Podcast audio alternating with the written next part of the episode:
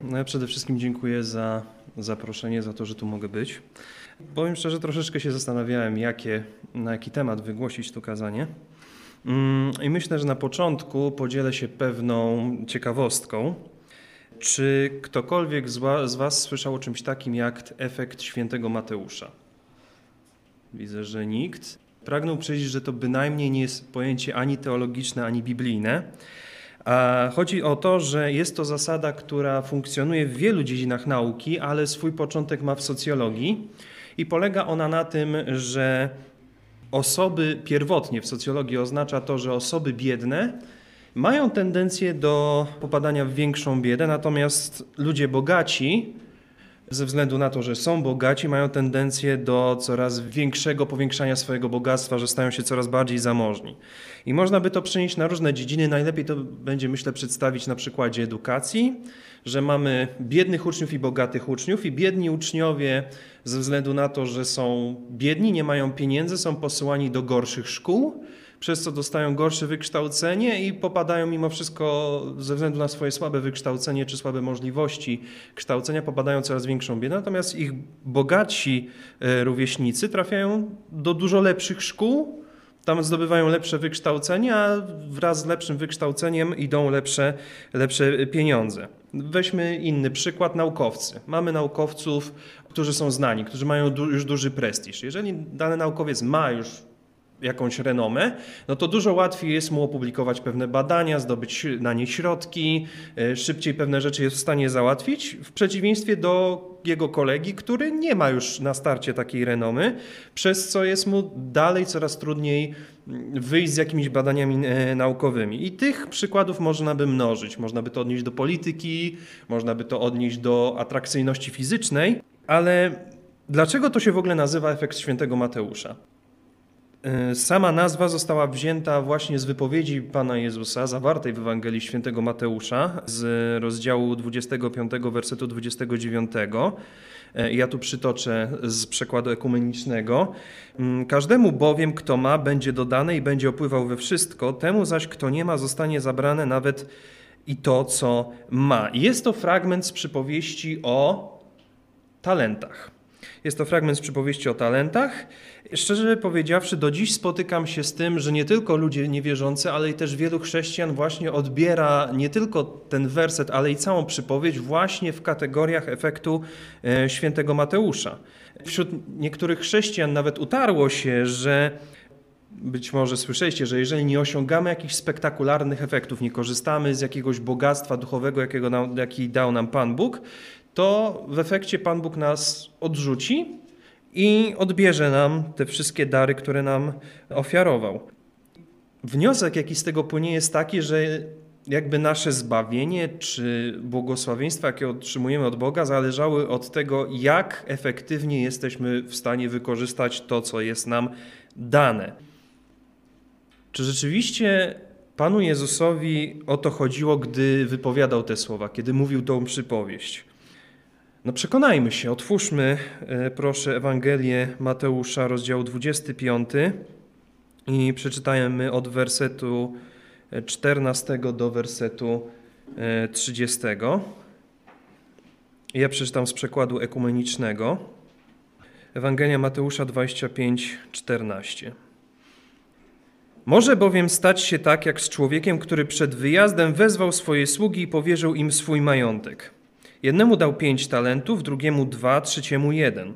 Każdemu według jego zdolności i odjechał. Natychmiast ten, który otrzymał pięć talentów, poszedł, obracał nimi i zyskał drugie pięć. Tak samo i ten, który otrzymał dwa talenty, zyskał drugie dwa. Ten zaś, który otrzymał jeden talent, poszedł, wykopał w ziemi dół i ukrył pieniądze swego pana. Po dłuższym czasie pan powrócił i zażądał rozliczenia od swoich sług. Wówczas przyszedł ten, który otrzymał pięć talentów, przyniósł drugie pięć i powiedział: Panie, przekazałeś mi pięć talentów, oto zyskałem drugie pięć. Odpowiedział mu jego pan: Znakomicie, sługo dobry i wierny. W małych rzeczach byłeś wierny, nad wieloma cię ustanowię. Wejdź do radości swego pana. Potem przyszedł ten, który otrzymał dwa talenty i powiedział: Panie, przekazałeś mi dwa talenty, oto zyskałem drugie dwa. Odpowiedział mu jego pan: Znakomicie, sługo dobry i wierny. W małych rzeczach byłeś wierny, nad wieloma cię ustanowię. Wejdź do radości swego pana. Wreszcie przyszedł ten, który otrzymał jeden talent i oznajmił: Panie, poznałem cię i wiem, że jesteś człowiekiem surowym. Zbierasz plon tam, gdzie nie posiałeś, i zgarniasz tam, gdzie nie rozsypałeś.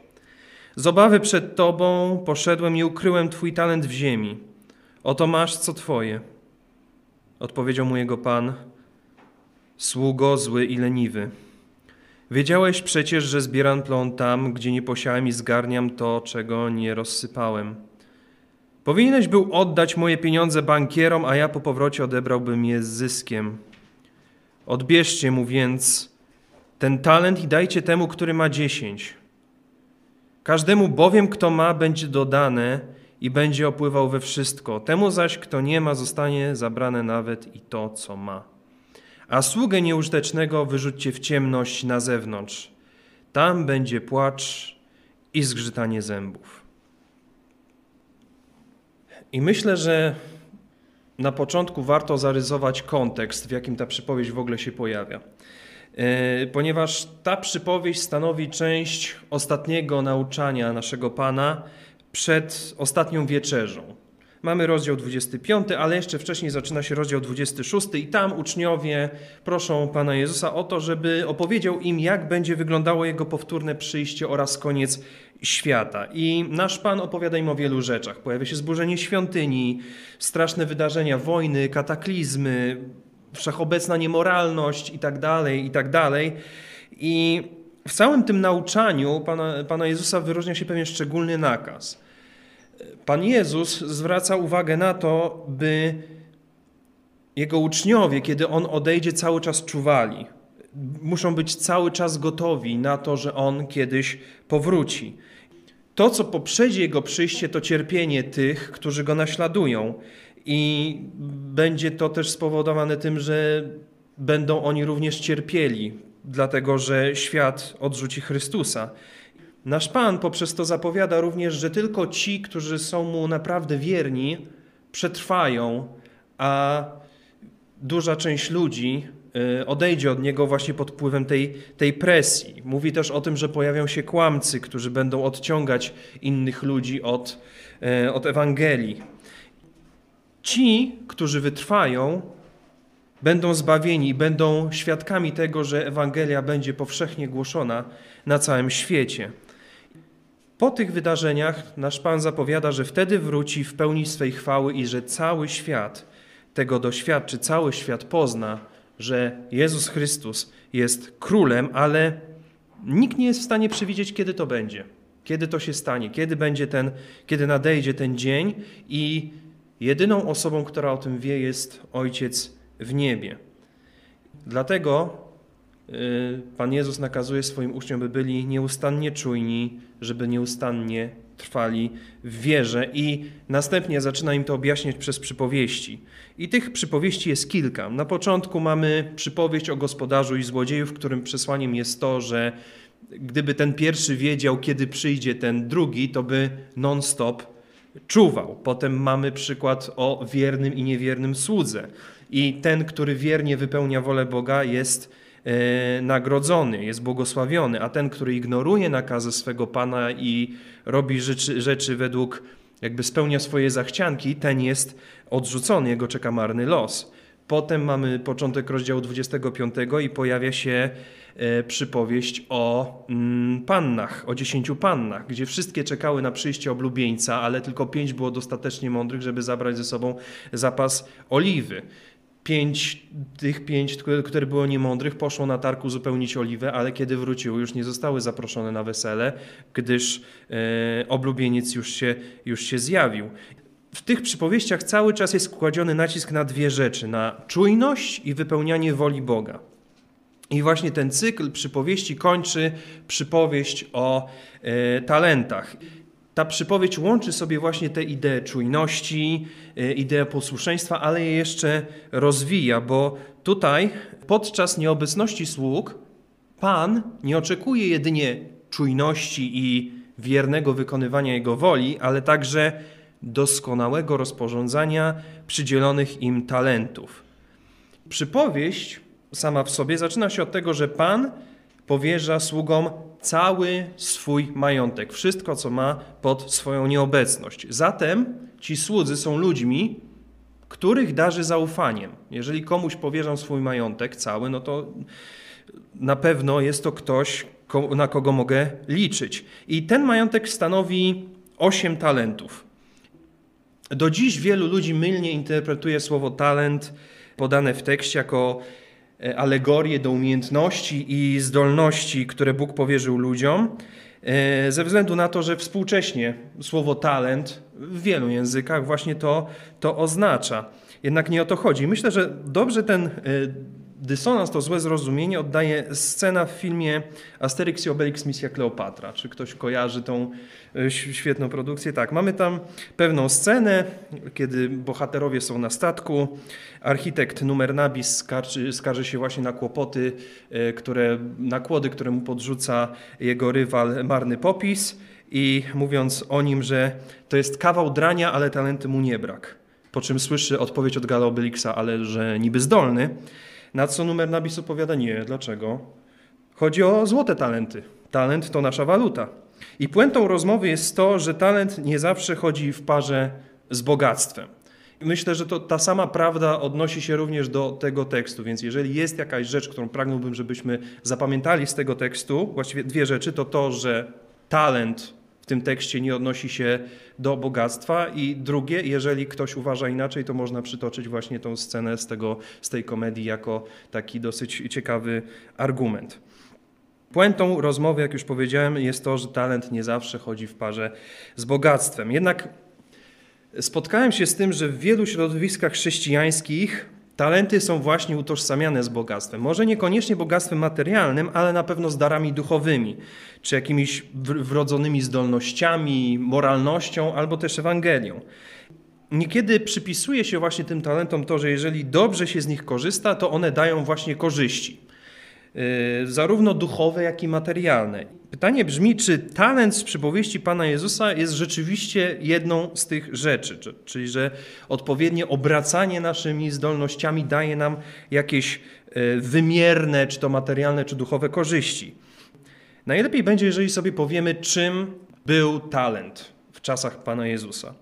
Y, I była to jednostka wymiany walutowej, tutaj troszeczkę będzie pojęć ekonomicznych, ponieważ talent to nie jest jakaś konkretna moneta czy waluta, ale raczej wyraz określający wartość pieniędzy w stosunku do konkretnej waluty. Albo, albo kruszca, jak na przykład złoto, to dzisiaj byśmy powiedzieli, to jest jakiś weksel, jakiś obligacja albo udziały w firmie. To, to był talent, to był jakiś zestaw e, jakie, jakiegoś konkretnego bogactwa. E, wówczas jeden talent to było około 30 kg złota, zaś przekładając na dzisiejsze pieniądze polskie złote, to jeden talent w odniesieniu do ówczesnej waluty, jaką był denar, to był wart ponad 1 200 tysięcy złotych. Chociaż podejrzewam, że przy obecnej inflacji, jak skończę mówić to kazanie, to będzie wart dużo więcej. Ale jakby na to nie patrzeć, mamy do czynienia z ogromną sumą. Mamy do czynienia z ogromną sumą pieniędzy, sumą, która jest rozdzielana każdemu słudze według oceny ich kompetencji przez Pana. Od wersetu 16 widzimy niesamowitą gotowość do działania pierwszego i drugiego ze sług.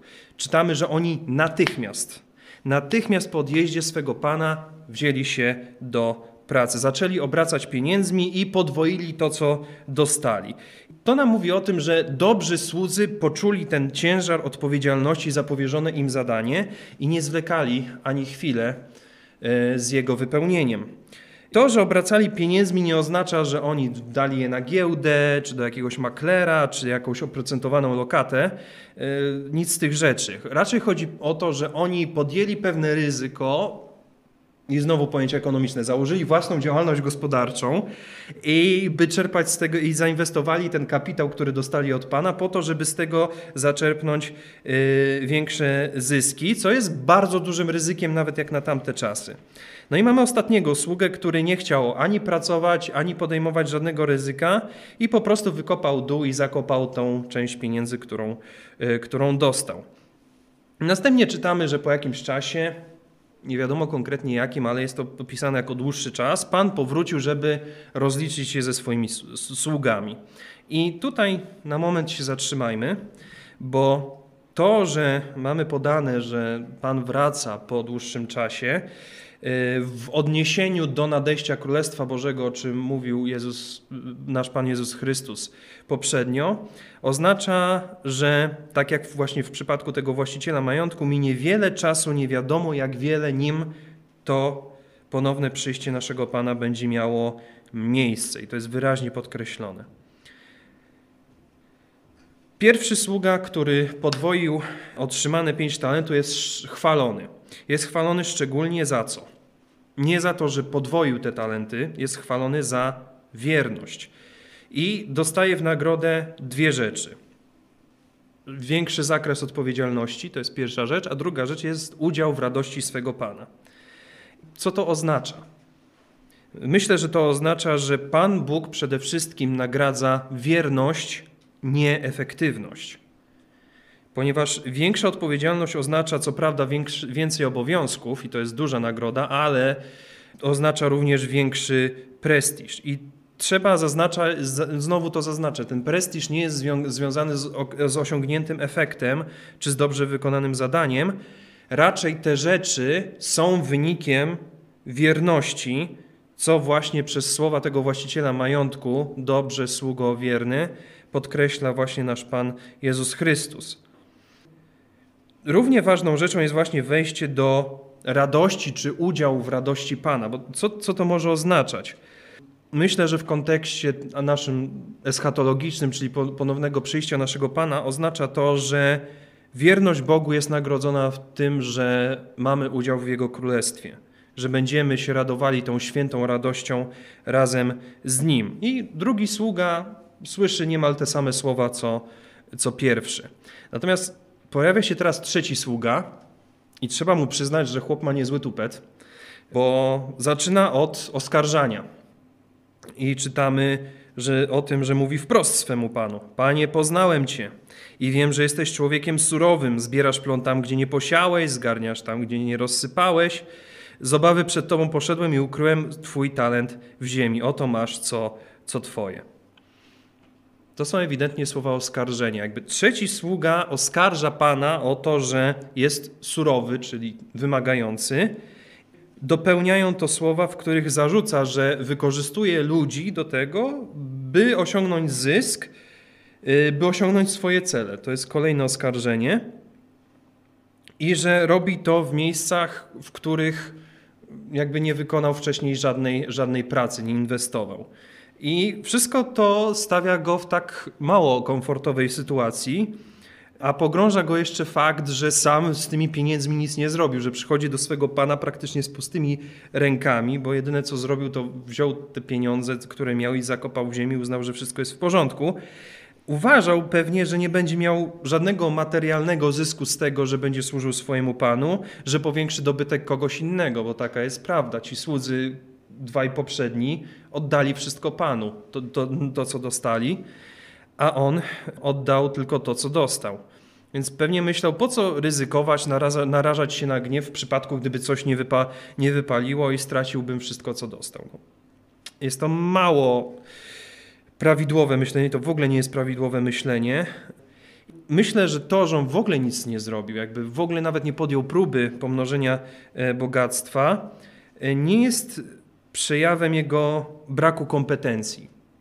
Nie jest przejawem jego braku kompetencji, bo przepraszam bardzo, ale Pan uznał, że on jest kompetentny. Może nie jest najkompetentniejszy, bo tamten dostał, pierwszy dostał 5, drugi 2, ale 30 kg złota do obrotu, czyli milion 200 tysięcy złotych, no to trzeba, by, trzeba kogoś uznać za naprawdę kompetentnego do, do, do tego zadania.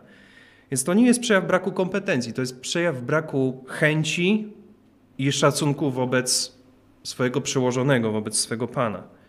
Po tym, jak sługa wypowiada te słowa, role się odwracają. Teraz to pan jest oskarżycielem i używa dokładnie tych samych słów, których sługa użył, mm, do tego, żeby się z nim rozliczyć i nawet przyznaje mu rację, bo mówi tak, jestem surowy, wykorzystuję pracę innych do osiągania własnych celów, tutaj w postaci zysku. Więc skoro rzeczywiście Pan jest tak, jak sługa opisał, to dlaczego ten sługa nie wykonał tego polecenia? Czemu nie próbował powiększyć majątku? No on, on nie bał się konsekwencji?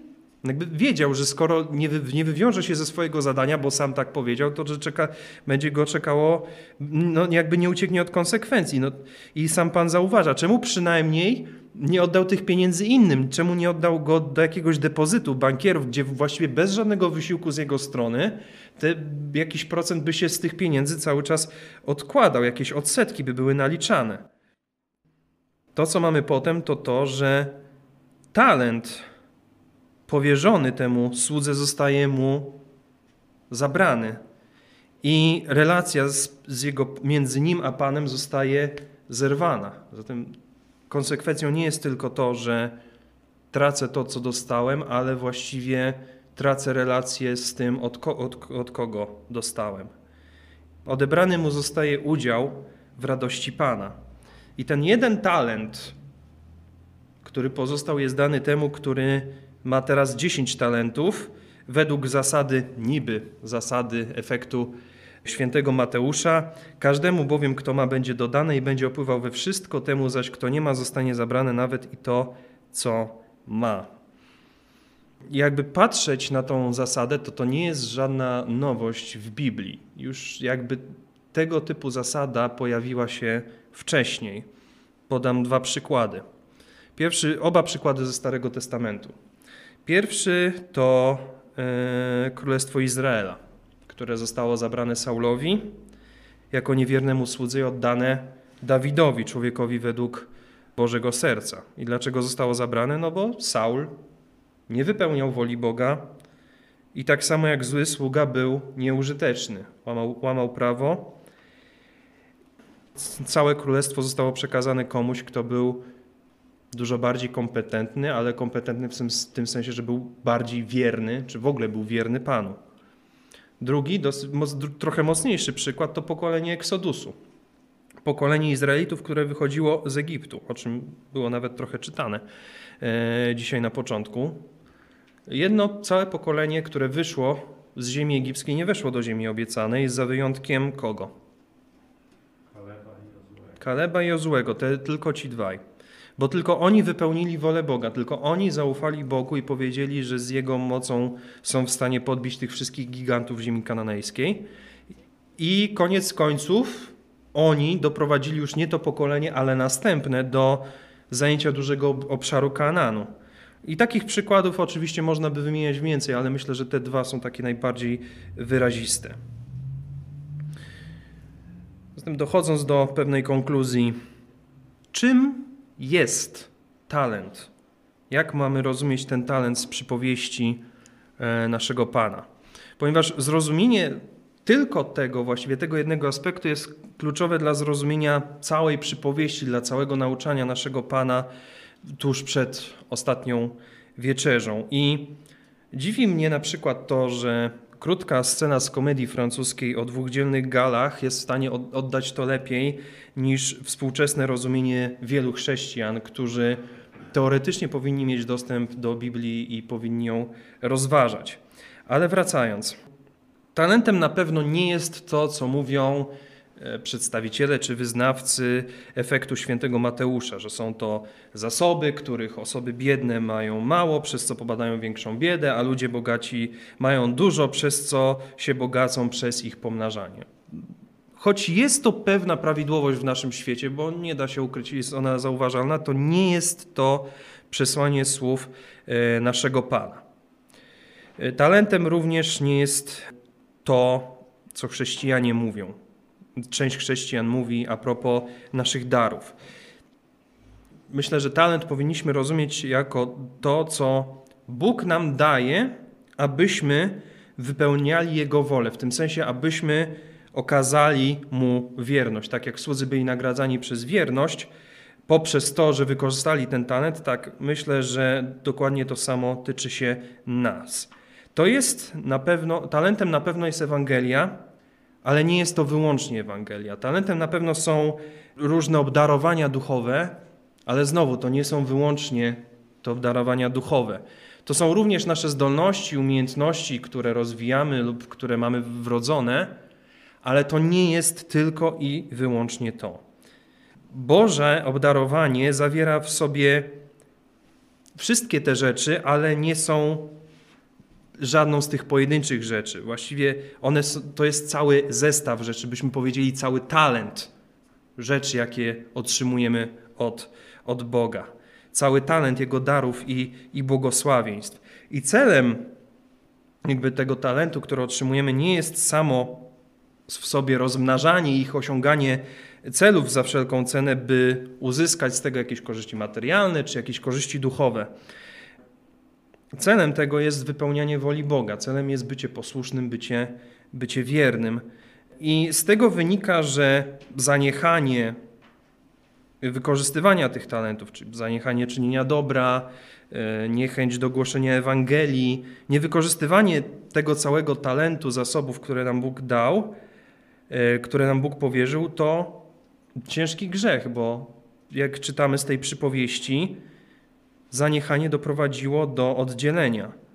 Oddzielenia dlatego, że sługa był nieposłuszny, więc jeżeli ja nie wykorzystuję tego, co mi Bóg dał do tego, by wypełniać Jego wolę, to okazuje brak posłuszeństwa Bogu. A myślę, że brak posłuszeństwa Bogu jest, jeżeli nie najbardziej, to jednym z najbardziej ewidentnych przejawów braku wiary. Braku wiary. I jaki jest tego skutek? Co się dzieje, jeżeli jesteśmy nieposłuszni Bogu? No, prowadzi to nie tylko do utraty tego, co dostaliśmy od Boga, tych wszystkich zasobów, ale w efekcie prowadzi do oddzielenia od Boga, do odrzucenia przez Boga, do, do odizolowania od Jego obecności i w końcu do potępienia, co jest pokazane w ostatnim wersecie przez łzy i zgrzytanie zębami w samotności. I przypowieść o talentach jako część tego całego nauczania naszego Pana, o Jego powtórnym przyjściu pokazuje, że czujność podkreślana we wcześniejszych historiach o gospodarzu i złodzieju, dobrym i złym słudze, o pannach, która ma cechować właśnie ta czujność uczniów Chrystusa, w związku właśnie z wyczekiwaniem Jego powrotu, ta czujność nie może prowadzić do bierności. To, że jesteśmy czujni, nie oznacza, że mamy być bierni. Mamy wypełniać nasze obowiązki. Mamy wzrastać w wierze. Mamy gospodarować i rozwijać zasoby, dary, jakkolwiek to nazwiemy, które Bóg nam powierzył, do momentu, aż po dłuższym czasie nasz Pan powróci i z nami się rozliczy. Musimy przede wszystkim pamiętać, pierwsza podstawowa rzecz, że każdy z nas jest uczniem Chrystusa, przez co do każdego z nas ta przypowieść się odnosi. Każdy z nas jest sługą i każdy z nas koniec końców stanie przed sądem i zda sprawę Bogu ze swojej wierności. I myślę, że na koniec życzę sobie, życzę Wam tego, abyśmy, kiedy już przyjdzie do rozliczenia, żebyśmy nie wylądowali za drzwiami w łzach i zgrzytaniu zębów. Amen.